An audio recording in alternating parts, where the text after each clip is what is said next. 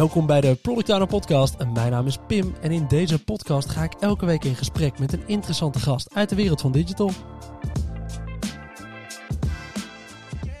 Deze week spreek ik met Katrien, Head of Enterprise Greenfield bij AWS voor de Benelux. Dat betekent zoveel als het optimaal ondersteunen en onboorden van grote enterprise klanten van Amazon Web Services. Hierbij moet je denken aan bedrijven als Philips, Van Moof en Nike. AWS ondersteunt deze bedrijven namelijk verder dan met alleen het leveren van cloud services. Ze gaan met dit soort bedrijven gezamenlijke trajecten en experimenten aan. Om te kijken hoe ze services kunnen verbeteren met bijvoorbeeld AI. Zo groeit AWS van cloud provider naar strategisch groeipartner voor dit soort bedrijven. Vandaag gaan we met Katrien in gesprek over hoe dit soort bedrijven nou technisch weten te innoveren. Bespreken we unieke voorbeelden en kijken we hoe en waarom Amazon deze service levert. Katrien, wat leuk dat je onze eerste Vlaamse gast in de podcast bent. Dankjewel, uh, ik, ik ben blij hier te zijn. Hey, hoe moeilijk is het nou om in die branche van cloud services voorop te blijven lopen? Um, leuke vraag. Ik denk, hoe, hoe wij er persoonlijk naar kijken, is vaak van we innoveren op basis van klanten. Wat wil dit zeggen? 90% van wat we doen, uh, daar zijn wij niet mee opgekomen, maar klanten komen er mee op. Dus het leuke is, 90% van de innovaties is klanten die feedback geven en zeggen, dit moet helemaal anders, dit bestaat helemaal niet, kan je dit uitvinden voor ons? En 10% is eigenlijk, wij vinden dingen uit op basis uh, van klanten. Dus hoe blijf je voorop? Is door constant te luisteren naar je klanten. Dus Goed luisteren en meegaan. en meegaan met die innovaties. Ja, en, ja, maar wel inderdaad, als zo'n groot bedrijf als AWS zijnde, ja, wel blijven luisteren naar je klanten. Wat ook op zich wel een kunst is op die schaal. Ja, dus ah, we, één, we zijn enorm gegroeid. Dus ik weet niet of je aan de groei uh, kent van de afgelopen jaar. Toen ik binnen AWS begon, 4,5 jaar geleden, of ietsje meer dan 4,5 jaar geleden, uh, waren we met 231.000 employees over de hele Amazon business. Ja. En nu zijn we met 1,6 miljoen mensen. uh, dus net iets groter dan Amsterdam. Dat is niet in schaal te brengen, nee. Nee, dat is echt een. En, in, en dat is in de AWS of is dat Amazon breed? Dat is Amazon breed. Ja, oké. En de AWS-tak, die is daar waarschijnlijk nog een van de grootste groeionderdelen in geweest. Die blijft ook uh, het sterkste groeien. Als je kijkt van, we hebben dan de warehouses, we hebben Amazon Robotics, je hebt uh, voor Amazon Fresh, je hebt um, talrijke Amazon-bedrijven is constant nieuwe innovaties of start-ups aan het creëren. We hebben ook een ander uh, iRobot-bedrijf overgekocht. Ja. Uh, dus als je die robots in je huis uh, ziet bewegen. Ja. Dus um, ja, ik bedoel, het bedrijf intern en extern blijft ontzettend groeien. En hoe kom je nu waar je nu bent op deze positie dan bij, bij Amazon? Als zijn de ja, Head of Enterprise Greenfield. Die moet je misschien eerst even toelichten wat die huidige functietitel nou eigenlijk is. En gaan we daarna eventjes naartoe hoe je nou eigenlijk op die plek bent gekomen. Oké. Okay. Uh, Head of Enterprise Greenfield. Dus ik, ik uh, ben gelukkig dat ik het, het leukste team in AWS mag leiden. Um, ben de Cowboys. Nee, grapje.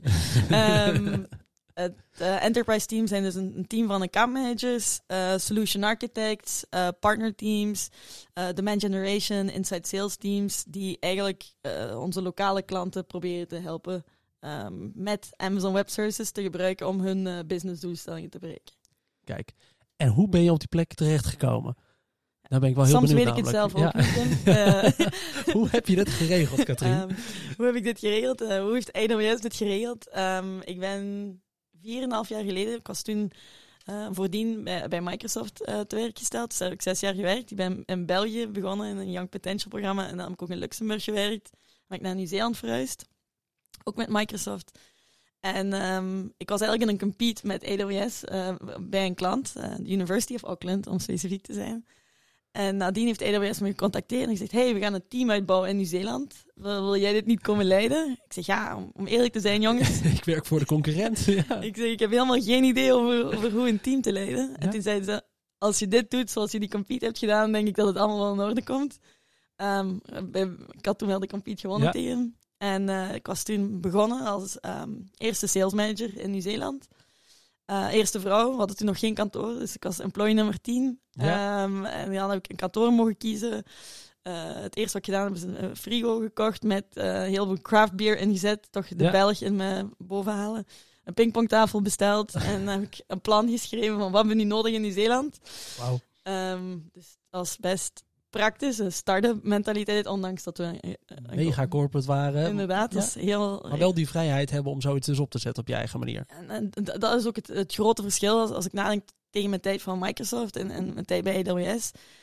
AWS is pure start-up mentaliteit, ondanks dat je die schaal hebt. Dus eh, we werken in narrative style, dus wat wil zeggen, iedereen moet een, of strategisch een, een six-page document schrijven, dus zes pagina's. En dat is, dat is je strategie. En elk jaar moet je die opnieuw voorstellen. En op basis van je strategie krijg je headcount, krijg je resources, krijg je funding. Dus dat is eigenlijk een businessplan. Ja. Eh, en op die manier heb ik in Nieuw-Zeeland toen op twee jaar tijd 80 mensen mogen aannemen. Nieuwe rollen mogen definiëren, nieuwe teams mogen definiëren, eh, segmenten mogen definiëren, want dat waren geen segmenten, dat was gewoon klanten. Ehm, dus dat was hartstikke leuk, want dat was dan ISV's, software vendors, dan Ja. enterprises, startups. Dan kijk je ook van, oké, wat, wat, wat hebben klanten nodig? En dan eh, ben ik uiteindelijk... eh, ehm, ik vloog één keer per maand naar Australië. Waarom? Eh, in, eh, in, Nieuw-Zeeland is de schaal van reizen is, is ietsje anders dan in België en Nederland. Ja? Dus, ehm, dus ik vloog ja, één keer per maand naar Sydney, waar ons APEC, Asia Pacific Leadership eh, team zat. En toen hebben ze mij gevraagd, hey, wil je niet naar Australië komen om nog een groter team te komen leiden? Eh, toen zei ik, ja, ik, ik bouw graag dingen. Ik begin Ja. graag van iets kleins en maak, maak het dan eh, graag iets groot. En toen zei ze, oké, hier is een blank piece of paper. Schrijf maar wat, je wil wilt doen. Wat wil je doen? Oh, heel, ja, dat is toch wat je wil krijgen. Ja, Eh, Een oké. beetje beangstigend ook, want als Ja. je het goedgekeurd krijgt, dan moet je het ook Moet je gaan het doen. ook gaan doen. Dit was een droom en nou moet ik het dus zelf gaan regelen. Oh ja. Inderdaad, dat, dat was het Ja. meest beangstigende. Dus ik heb toen gezegd, ik wil een, een nieuw segment creëren binnen AWS. En ehm, ik heb dat toen mid-enterprise eh, ge- genaamd. Ja. En eh, dat is de definitie van bedrijven tussen 100 miljoen en 750 miljoen in jaarlijkse omzet. Dus ja. ik zeg altijd, schaal, de, de, de middenmarkt, het, het- de bedrijven die het land vaak dragen. Ja. Ehm, dus dat heb ik dan van, in Australië van scratch mogen uitbouwen. Heb ik daar ook weer 20 eh K-managers aangenomen, 20 solution architects aangenomen. Ehm, en dan ook gezegd van oké, hoe gaan we dit aanpakken? Welke industrieën hebben we nodig in welke steden? Dus in Sydney heb je andere industrieën als in Melbourne of in Queensland. Ja, Ehm, hoe verteel je dat over zo'n groot land? Ja, ja, want ondanks dat het een groot land is, ehm, eh, zijn er eigenlijk weinig mensen. Het is eigenlijk ja. maar Het is- 25 miljoen mensen is nog, ja, dat is, België en Nederland zijn dus hartstikke groter dan eh, Australië. Is dat zo? Hoeveel is het totaal aantal inwoners van Australië? Is 25 miljoen mensen. Nee. Ja, en als Oh, je ik kijkt naar dat Nederland is maar- 17, Ja. 18 miljoen. Ja, alleen wij doen het op iets minder vierkante meters. Ja. Ja, dus best wel grappig als mensen vaak tegen me zeggen, ah ja, je doet Benelux, is dat niet groot? Ik zeg, nee, je rijdt twee uur en je bent, eh, Je in bent overal, Je bent overal, inderdaad. Oh, dat is wel heel cool. En ja, dus in Australië iets moois mogen opzetten. En toen kwam op een gegeven moment toch weer het verlangen om deze kant dan op te komen. Ehm, eh, met COVID was, dan, eh, was ik in Ah, Australië. En in Australië ja. mocht je de grenzen ook niet verlaten. Klopt. En eh, mijn moeder is nu oké, maar die had borstkanker de afgelopen jaren. En normaal gezien kwam ik één keer per jaar terug naar Europa. En toen had ik toch besloten van, als je niet wetende hoe lang dit COVID-verhaal ging gebeuren, wil ik toch ik ietsje dichterbij zijn. Ja. En in Europa hadden ze al jaren gevraagd van, hey, wil je niet terugkomen? Wil je niet in ons team komen? Want, want je merkt toch dat daar qua innovatie stond Australië technologisch twee, drie jaar verder. Ja. Ehm, Verder dan dat we hier zijn. Ja, Oh, wat leuk. dus ehm, hier zijn ze echt nog wel in growth mode. Dus nog relatief klein ge- vergeleken met het potentieel. En ook qua innovatie zie je dat ze... Ja, dat, dat we eerst de dingen moeten migreren voordat je de coole innovaties zoals machine learning en AI kan eh, beginnen doen. Oh, wat gaaf. En nou, toen teruggekomen naar Nederland op een gegeven moment. Ja. En in Nederland zeiden ze toen, wat wil je hier gaan doen? Of was dat al wel een gedefinieerde functie ondertussen? Er waren twee rollen eh, vrij die ze vroegen of ik eh, er niet interesse voor had. Eén was Enterprise Greenfield. Ja. Dat was toen best klein. Ehm, en toen zeiden ze van ja, dit is momenteel klein. Maar we, we missen een strategie, we hebben momenteel geen manager. Ehm, wil, wil je daar niet over nadenken? Toen dacht ik, oké, ja, ik ken de markt nu best wel. Dus ik heb geschreven, oké, hoeveel enterprises zijn er in België, Nederland en Luxemburg? Wat zijn de key industrieën? Eh, waar zijn die gecentraliseerd? Ehm, hoe is ons team momenteel gecentraliseerd op basis van die industrieën? En dan ook weer wat zijn de partners in de markt? Eh, waar hebben we een gap? Waarop moeten we dubbel op inzetten? En dan dat, Ja, dat is vanuit ook die weer helemaal geëxplodeerd. Eh, dus dus we zullen zeggen, wat begon als een team met vijf accountmanagers, is nu eh, een team van rond de 50 en we moeten het jaar innemen met 60 mensen. Oké. Ja. Dat is wel Kleine bijzonder. Ja, wat een. Ja, en inderdaad, door die start-up mentaliteit waar je het over had in het begin, kun je dus inderdaad ook gewoon zorgen dat je een leuke cultuur bouwt met die ploeg mensen. En hoef je niet per se rekening te houden met het bouwen van een cultuur met de hele groep die er omheen zit. Ja, we hebben dus wel het, het- de filosofie van leadership principles. Ik weet niet of je daar bekend van bent, maar Amazon heeft 14 of nu, er nu twee bijgevoegd, 16 leadership principles. En dat is eigenlijk de cultuur binnen ons bedrijf. Maar natuurlijk, je team, eh, je hebt, we krijgen team tenets. Dus eh, je, je creëert wat zijn de voornaamste, zal zeggen, principes in je team. Ja. En wat, wat, wat willen jullie als team bereiken? Ehm, en, en voor ons, inderdaad, je definieert het lokaal. Je zegt, oké, wat is er belangrijk voor ons? Waarop gaan we dubbel op inzetten? Wat gaan we ook helemaal niet doen? Ehm, Juist. dus, Zo verdeel je hem daarin. Ja. Nou ja, ik vind het eh, bijzonder cool wat je hebt mogen doen. En ik zou het leuk vinden om eventjes richting dat hoofdonderwerp eh, een beetje te gaan bewegen. Want daar hadden we het van tevoren over. Ja, waar, wat kunnen we nou echt bespreken? Want je vertelde een beetje dit soort dingen aan de telefoon. Ik werd helemaal enthousiast en ik had zoiets ja, maar, ja, maar daar wil ik wel over praten. En dat ging over eigenlijk, zeiden we, het komt een beetje neer over innoveren op enterprise niveau. Hoe kun je nou op dat niveau coole innovaties bedenken als partner die eigenlijk gericht is op cloud services leveren? En hoe ziet die rol van AWS er dan uit voor die enterprise partijen die je dus op een gegeven moment hebt gedefinieerd? Ehm, leuke vraag. Dus op de manier hoe wij er naar kijken is vaak van hoe creëer je een culture of innovation? Eh, Daar komt het eigenlijk op neer. Ehm, wat wil ik daarmee zeggen? Wij geloven als bedrijf, als je niet innoveert, word je obsolet of word je ingehaald door iemand die sneller, beter Ja. ehm, je, je klanten gaat bedienen. Eh, ik heb ooit een een bank in Nederland gevraagd, gezegd van, wat zou er gebeuren moest er nu een competitie op de markt komen die exact hetzelfde zou doen als jou en die zou het tien keer beter doen. Wat zou dat betekenen? En die bank zei letterlijk, binnen drie dagen zouden we out of business zijn. En toen dacht ik, oké, ja, innoveren jullie dan zo hard dat jullie elke drie dagen nieuwe innovaties doen? Of hoe blijven jullie voorop die competitie? Ja. En het, het grappige was, daar hadden ze precies niet over nagedacht. Of daar stonden ze niet bij stil dat dit kon gebeuren. Ehm, wat je wel ziet, zeker in financial services, zie je dat met bijvoorbeeld Stripe of Adyen of anderen die constant op de markt komen. En Hard binnenkomen en snel groeien. Ja, en de enige manier dat je kan blijven groeien en, en schalen is door zoveel mogelijk experimenten te doen. Dus als je kijkt, wat kan een enterprise doen, net zoals een start-up. Ik denk dat er nooit een moment is geweest eh, op deze planeet dat zoveel mensen toegang hebben tot technologie. Ja. En het leuke, of de reden waarom dat wij, wij geloven dat we een goede partij zijn, is omdat cloud, je hebt nu dezelfde toegang tot, tot technologie zoals NASA heeft om eh, een raket te bouwen. maar je kan het gewoon naar beneden schalen en opschalen. Ja. Dus ehm, veel meer eh, experimenten doen. En het leuke hoe wij experimenten definiëren is, je kan op voorhand niet weten dat het succesvol gaat zijn, anders is het geen experiment. Ehm, misschien daar een focus op. Veel bedrijven zeggen we innoveren. Ja. Maar hoeveel experimenten runnen jullie? En hoe vaak krijgen jullie feedback van jullie klanten op die experimenten? ja. Kun je me zo'n voorbeeld geven van een experiment wat je onlangs hebt mogen doen? Ja, eh, ik kan, eh, ik kan een grappige geven, ehm, als je wil. Ehm, de, de, de leukste was eigenlijk, eh, ik zal een voorbeeld geven in Nieuw-Zeeland, dat is, misschien minder makkelijker om er confiden- confidentieel over te spreken. Dat is het grootste toerismebedrijf in Australië en Nieuw-Zeeland. Ja. En die gingen er eigenlijk in met een idee, een statement. Wij zeggen altijd, wat is de customer need? Of eh, wat probeer je op te lossen voor die klant? En een customer need heeft niks met technologie te maken. Dat is, dat is iets wat je voor die klant probeert te doen. Dat kan zijn veiligheid, het kan zijn geld besparen, het kan zijn tijd geven. Ja, En ehm, eh, het, het toerismebedrijf hadden heel veel campervans. Dus ze gingen in met de statement: wie crasht er de meeste campervans in Nieuw-Zeeland? ja, maar je denkt, waarom is dit nu belangrijk? Ja, Ja, ja. eh, de reden dat het belangrijk was, was omdat er heel veel ongelukken gebeurden. Dat er ehm, ja, mensen natuurlijk dan niet tevreden zijn van een dienst. En dat je ook heel veel schade hebt aan je materialen.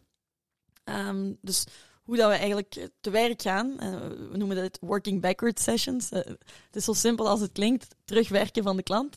precies. Ehm, hebben dan een workshop gedaan. Waar we dan eh, verschillende departementen van customer service tot IT, tot marketing, tot sales, allemaal in een kamer brengen. En zeggen, oké, ehm, dus we beginnen met what, what's the problem statement. En het leuke is als je meerdere eh, problem statements hebt. En die van die campervans was wie crasht er de meeste. We vragen dan ook op voorhand, wat denken jullie dat het eigenlijk is? Even een, even een kleine bed leggen. Gewoon, eh, oké, nou, ik zet in op die. Dat, dat, dat is Ja. het leukste. Dus, eh, en daar zei iedereen, oké, helemaal ook geen, geen racist of geen fout antwoord. Ze zeiden, ja, we denken dat dit, eh, wat was het? Wat was het? Vrouwen ehm, van Asian descent was, dachten ze. Ja. En dan, waarom? Omdat die één niet gewend zijn om op de linkerbaan te rijden. Twee, die, die, banen in, in Nieuw-Zeeland zijn nogal. Ja. dwars. En ehm, wat we toen gedaan is eigenlijk een datapilot gedaan, al die data gecollecteerd.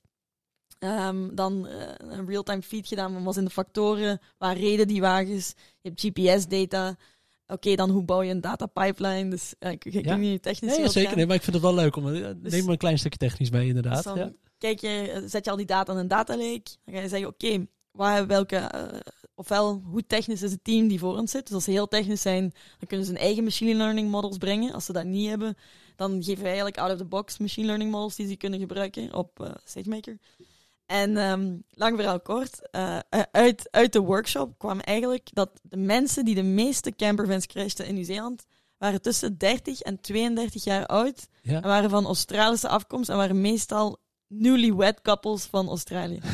Dus het, het grappige was, de enige mensen die wel wisten van hoe links te rijden. Ja. Dus het, het idee was, ze En waren lokaal. overconfident. Ja. Ze waren op een honeymoon en helemaal niet aan het nadenken over eh, hoe te rijden op deze banen. En net te veel waarschijnlijk vaak gedronken of dat soort dingen. Ja, en dat waren de crashes. Ja, Oh, en dan, het, het leuke is dan, wat doe je met die informatie? Dus als we denken over een workshop, zeggen we altijd, oké, je hebt een pro- problem statement, je hebt een need, hoe ga je nu die need oplossen? En dan hadden we gezegd, oké, kunnen we analyseren waar die campervans exact crashen, want je hebt die eh, GPS-data. En dan hebben we op dan, zat ook een dashboard in die, in die wagens, hadden we eigenlijk twee, twee, twee tot vijf minuten voordien een alert gedaan in die wagens, zodat je eigenlijk kon zien van, hey, dus dit is een gevaarlijke route. En dat je dan ook specifiek kan targeten op bepaalde mensen die je weet dat ik eh Nee. campers gaan crashen. Om zo te zorgen. En dan hebben we drastisch eh, het naar beneden gehaald, dat er Ja. veel minder eh, ongevallen gebeurden. En dat is dan weer een leuke manier over hoe pak je eigenlijk een experiment. Hoe valideer je eh, je, je, je assumptie. En dan, wat ga je doen met, met die data? En ehm, vaak wat we zien van die experimenten, hoe snel je feedback kan krijgen, hoe snel je je proces kan verbeteren of je, je customer experience kan verbeteren van wat voor app werkt, wat, wat zien mensen of wat zien mensen niet. Ja, Eh, en dan hoe meet je eigenlijk dat er vooruitgang is. En ja. Nou, dit is gewoon een heel mooi voorbeeld van het hebben van heel veel data en het omzetten naar nuttige informatie. En ja, ik denk dat heel veel partijen altijd nog op een hele grote bak data zitten, maar het heel moeilijk vinden om daar echte informatie uit te halen. En dat is waar je eigenlijk het bedrijf mee aan de hand neemt. Ja. Waarbij je gewoon eigenlijk zegt, nou ja, we kunnen al deze factoren naast elkaar leggen. En dan komen we er gewoon achter dat het iets heel anders is dan wat jouw gedachte was, dat er, waar de fout zat. Ja, en, en dat, dat vind ik net het leukste aan de workshop is, er is geen fout antwoord, er is alleen maar een foute assumptie. Eh, Ja. Dus hoe, hoe, hoe start je met een idee, een vraag die je wilt oplossen? En, en daar in Nederland heb je ook leuke voorbeelden zoals Heineken.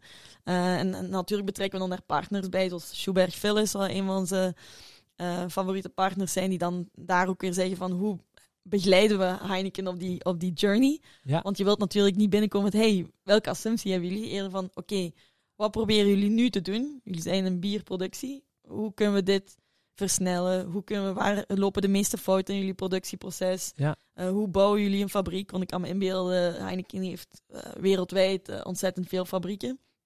Ehm, en daar dan kijken naar, kunnen we zorgen dat er minder water wordt gebruikt? Kunnen we zorgen dat die lijn, lijnen beter worden afgestemd? Ja. Ehm, En eigenlijk kom je. Dus ik ben eigenlijk wel benieuwd hoe dat traject er dan uitziet. Hè? Dus je hebt inderdaad, eh, je noemt bijvoorbeeld een Heineken of een PostNL of een eh, Van Moof hebben we het over gehad. Ehm, wanneer kom je binnen? En dan is het inderdaad eigenlijk op zoek gaan naar, oké, hoe kunnen we daarop innoveren? Help je dan inderdaad met zo'n workshop? Doen we al, nu al een paar keer. Maar je helpt daarna ook met het stukje development om dus gewoon te zorgen dat ze echt die test kunnen draaien. En dat ze dus een, een goede learning tool hebben die dat, die informatie uit die data kan halen. Ehm, eerst doen we vaak, presenteren wij ons verhaal van hoe innoveren wij intern. Natuurlijk zeggen we niet dat we de beste zijn of dat we het weten, maar Nee. wat werkt er voor ons? Dan zeggen we, oké, op basis van dit laten we deze workshops doen samen op basis van wat zijn dingen waar, waar jullie misschien falikant misgaan of waar, waar het goed gaat, maar jullie beter willen gaan. En dan het leukste, wat ik het leukste vind, is rapid prototyping. Ja. Dat je dit echt gaat opvolgen met, oké, hoe bouwen we dit idee in a matter of weeks, of een week of twee. En dan gaan we feedback vragen. Want vaak klanten doen een, een eh, innovatie of, of doen een heel grote marketingcampagne, maar denken eigenlijk helemaal niet na. eh, Is dit nu eigenlijk wat de, wat klant nu wil? Ja. Heel veel focus op alles voorbereiden en uiteindelijk de productie. En dan staat hij live en dan de stap daarna. Ja. Die vergeten ze vaak. Onze focus is het omgekeerde. Hoe kan je zoveel mogelijk feedback en zoveel mogelijk data vergaren? En kan je eh, eh, constant itereren. Dus belo- wij geloven ook in heel veel korte design sprints. Ehm, en die design thinking workshop, wat wij dan working backwards noemen. Hoe sneller dat je die rapid prototyping session kan doen, hoe sneller dat je je idee kan valideren. Ja. Ehm, en, en de format wat wij daarvoor gebruiken is een, een, we laten elke klant een press release schrijven over van als ik dit in de, klant, in de krant zou lezen, Ja. eh, zou ik dan onder de indruk zijn? Zou iemand dit Ah. snappen? En we vragen dan ook vaak van, pak deze press release en we, en we schrijven die samen met, met de klant. Communiceer die intern in je bedrijf en, en dan vraag ook feedback van je medewerkers. Want vaak wat je ziet is, de mensen die eh, de rollen doen vaak veel beter weten dan het managementteam over hoe, Tuurlijk. hoe werkt dit, wat zou de feedback zijn. Dus hoe meer feedback dat je kan vragen, hoe beter dat het wordt. Oh, dat is wel een ultiem voorbeeld van working backwards. Ja. Gewoon echt starten met wat zou het ultieme eindpunt zijn. Oké, dat is als we deze press release eruit weten te zetten. Oké, en dan gaan we vanaf dat moment ga je eigenlijk werken naar hoe kunnen we nou gaan starten met dit experiment. Ja, dus we hebben een press release en we hebben ook frequently asked questions. Ja. Dus stel ik lees dit press release, wat zijn de honderd vragen die ik zou hebben over hoe integreer ik dit, hoe wat zou het kostmodel zijn, eh, eh, is er een insurance als het helemaal misloopt. Ja. Ehm, dus eh, het, het leuke is, je komt uit die workshop met een press release en frequently asked questions. En het leuke is, omdat ik nu al, al jaren eh, bij AWS zit, is dat we na het jaar ook die press release opnieuw lezen en zeggen van, hebben we eigenlijk groot genoeg gedacht of were we thinking too small? En ehm, een heel leuk voorbeeld is, is Zero. Ik weet niet of je het bedrijf kent, accounting software. Waar ik mee begonnen ben als, als start-up. Ja. En nu eh, een multi-billion dollar eh, bedrijf is geworden. Maar die op, op een eerste idee, een eerste press release was... Wij willen zorgen dat alle accountants in Nieuw-Zeeland onze software gebruiken. Qua automa- eh, automatisatie. Ja. En eh, op het einde van het jaar merkten ze dat die markt op minder dan 12 maanden hadden. En dat het eigenlijk thinking small was. Dus Ja. zeiden wij, what does thinking big look like? Dus Ja. een van onze leadership principles is ook thinking big. Dus we zeggen vaak tegen klanten, whatever your idea is, denk 10x. Uh, stel, stel, ik wil dit nog groter en beter doen. Hoe zou ik het anders aanpakken? En dan zie je dat mensen ineens veel meer open-minded zijn over eigenlijk... Ja, eh, stiekem zou ik dit wel willen. Die heb ik er altijd al van gedroomd. Maar ja, ik durf het hier op de werkvloer niet zo gauw te zeggen. Want ja, straks is het een onhaalbaar doel. Ja. Dat. Ja. En eigenlijk moet het een beetje voelen als een onhaalbaar doel om groot genoeg te zijn. correct. En dan, hoe bouw je een experiment waar je het kan valideren? Ja? Ja. Gaaf. Hey, heb je nog een voorbeeld in de, vanuit de Nederlandse markt waarvan je zegt, nou, daar hebben we ook een mooi experiment ge- gedraaid en eh, daar mag ik wel iets over vertellen? Ehm, ik, ik, ik kan je inderdaad, ik ben aan het nadenken, wat zou een leuke zijn voor jullie? Ehm Net to Grid. Ik weet niet of je Net to Grid kent. Ken ik niet. Nee. Nee, ook een hele leuke start-up die nu ook enorm aan het schalen zijn in, de- in de, in de eh, energie-industrie. Ja. Dus wat zij eigenlijk doen is ehm eh, automation en analytics doen in eh, het huis op basis van je energy consumption. Ja. En zij leveren ook aan alle energiebedrijven. Dus ze willen eigenlijk Zij leveren een service aan de energieproviders. Correct. Ja. En eh, een van de dingen die zij proberen te bereiken als bedrijf, over hoe kunnen ze zorgen dat we minder energie bedrijven, hoe kunnen we real-time gaan, hoe kunnen we optimalisaties geven, zodat eigenlijk mensen minder moeten betalen, ook inzicht hebben over hun energieverbruik. Bijvoorbeeld, ik zeg nu maar iets, eh, mijn ja, frigo is een Vlaams woord, ik weet niet hoe jullie eh, koelkast. Ja, koelkast. Ja, je hebt hem goed. Inderdaad. Eh, de- mijn koelkast verbruikt eh, meer dan het dubbele dan mijn, mijn buren. Waarom? Mijn koelkast is eigenlijk helemaal niet energy-friendly of sustainable. Misschien eh, is het nodig om een nieuwe frigo te kopen. En ik denk de toekomst gaat ook naar... En, en daar eh, zie je bedrijven als Net2Grid een hele globale focus hebben. Want ze zeggen, er is, globaal is dit een probleem. Dit is niet enkel lokaal een probleem. ja. Dat ze echt gaan kijken naar de analytics en naar het verbruik van je energie. En op die manier ook aanbevelingen geven. Dus ik denk, ehm, ja, als er één ding waar ik in geloof, is dat er inderdaad, en ik denk, Rusland heeft het nog maar meer duidelijk gemaakt met de gasprijzen.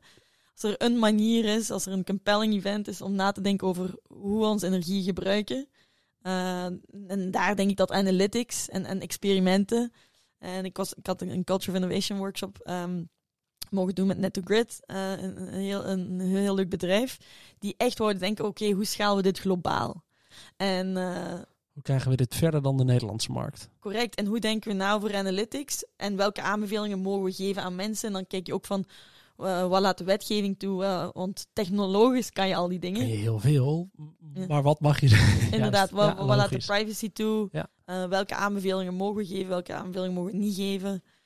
Um, dus energie denk ik dat inderdaad wel een, een grote is in, in de markt. Maar dan heb je ook voorbeelden zoals PostNL, waar je eigenlijk kijkt van oké, hoe kunnen we pakjes sneller leveren?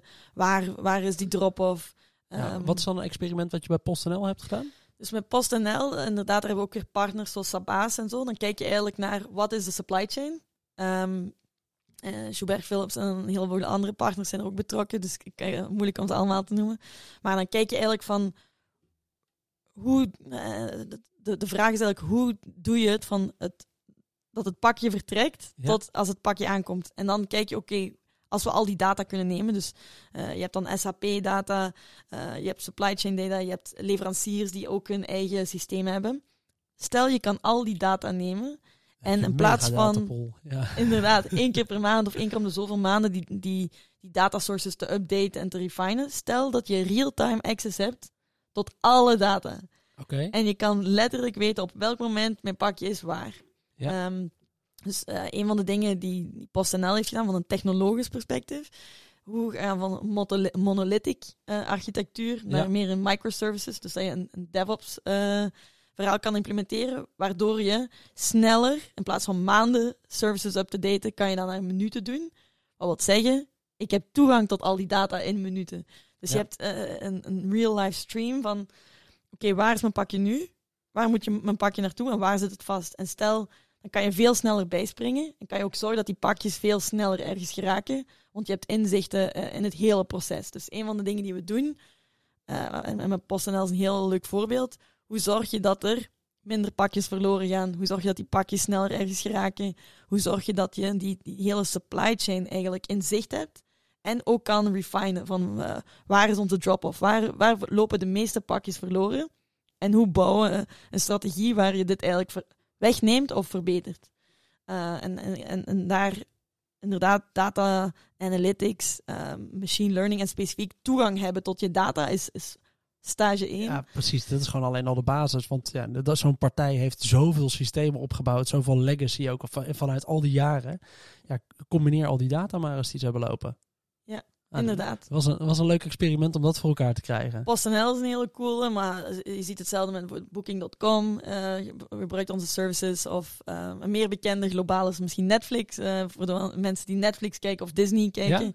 Ja? al die recommendations waren oh, begonnen als ja? experimenten met AWS. Dus Netflix is helemaal op AWS. Dus die zijn eigenlijk begonnen als start-up op AWS. En ook ja. weer een press release oefening gedaan met ons van... Oké, wat is thinking big voor Netflix? De online videotheek, ja. Inderdaad. Um, uh, Blockbuster Compete, uh, ja. die ze niet willen overkopen. Maar um, Netflix heeft daar constant. En ze hebben een, uh, een van de experimenten die met hun hebben gedaan, het project noemt Temper Monkey. Die hebben eigenlijk een, we hebben mee een service gebouwd die zogezegd de services van Netflix consistent zou aanvallen. Wat zou het zeggen? Het idee van een temper monkey. Stel, je hebt een aap die in je datacenter ja. zou rondlopen en alle kabels zou uittrekken. Hoe zorg je eigenlijk dat je, als je ja. aan het kijken bent, dat die um, videofeed niet onderbroken wordt. Ja. Dus stel, je gaat van het toilet naar je uh, living tot uh, je slaapkamer. Ja. Hoe zorg je dat die feed Nooit. perfect blijft doorstreamen? Dus een van de succesverhalen waarom dat de videostreaming service van Netflix zo goed is, is een van de uh, ja, pilots die we met hun hebben gedaan en de Temper Monkey van hoe zorgen dat er constant dingen mis worden uitgetrokken en dat die dienst blijft doorstreamen. En daar zie je weer van wat klinkt als een, een rare, rare piloot om te ja. doen. Waarom zou je je eigen dienst willen aanvallen? Net omdat je die customer experience... Uh, Zo hoog hebt zitten dat als het dan een keertje misgaat... Ja, als ja. het nou gewoon constant of zelf testen. Je gaat ervan uit dat je, dat je dienst constant of je user constant verandert van locatie. Ja. Ah, dat vind ik leuk.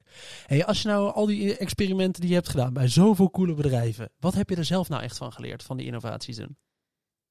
Ik denk um, vele bedrijven willen voor perfectie gaan.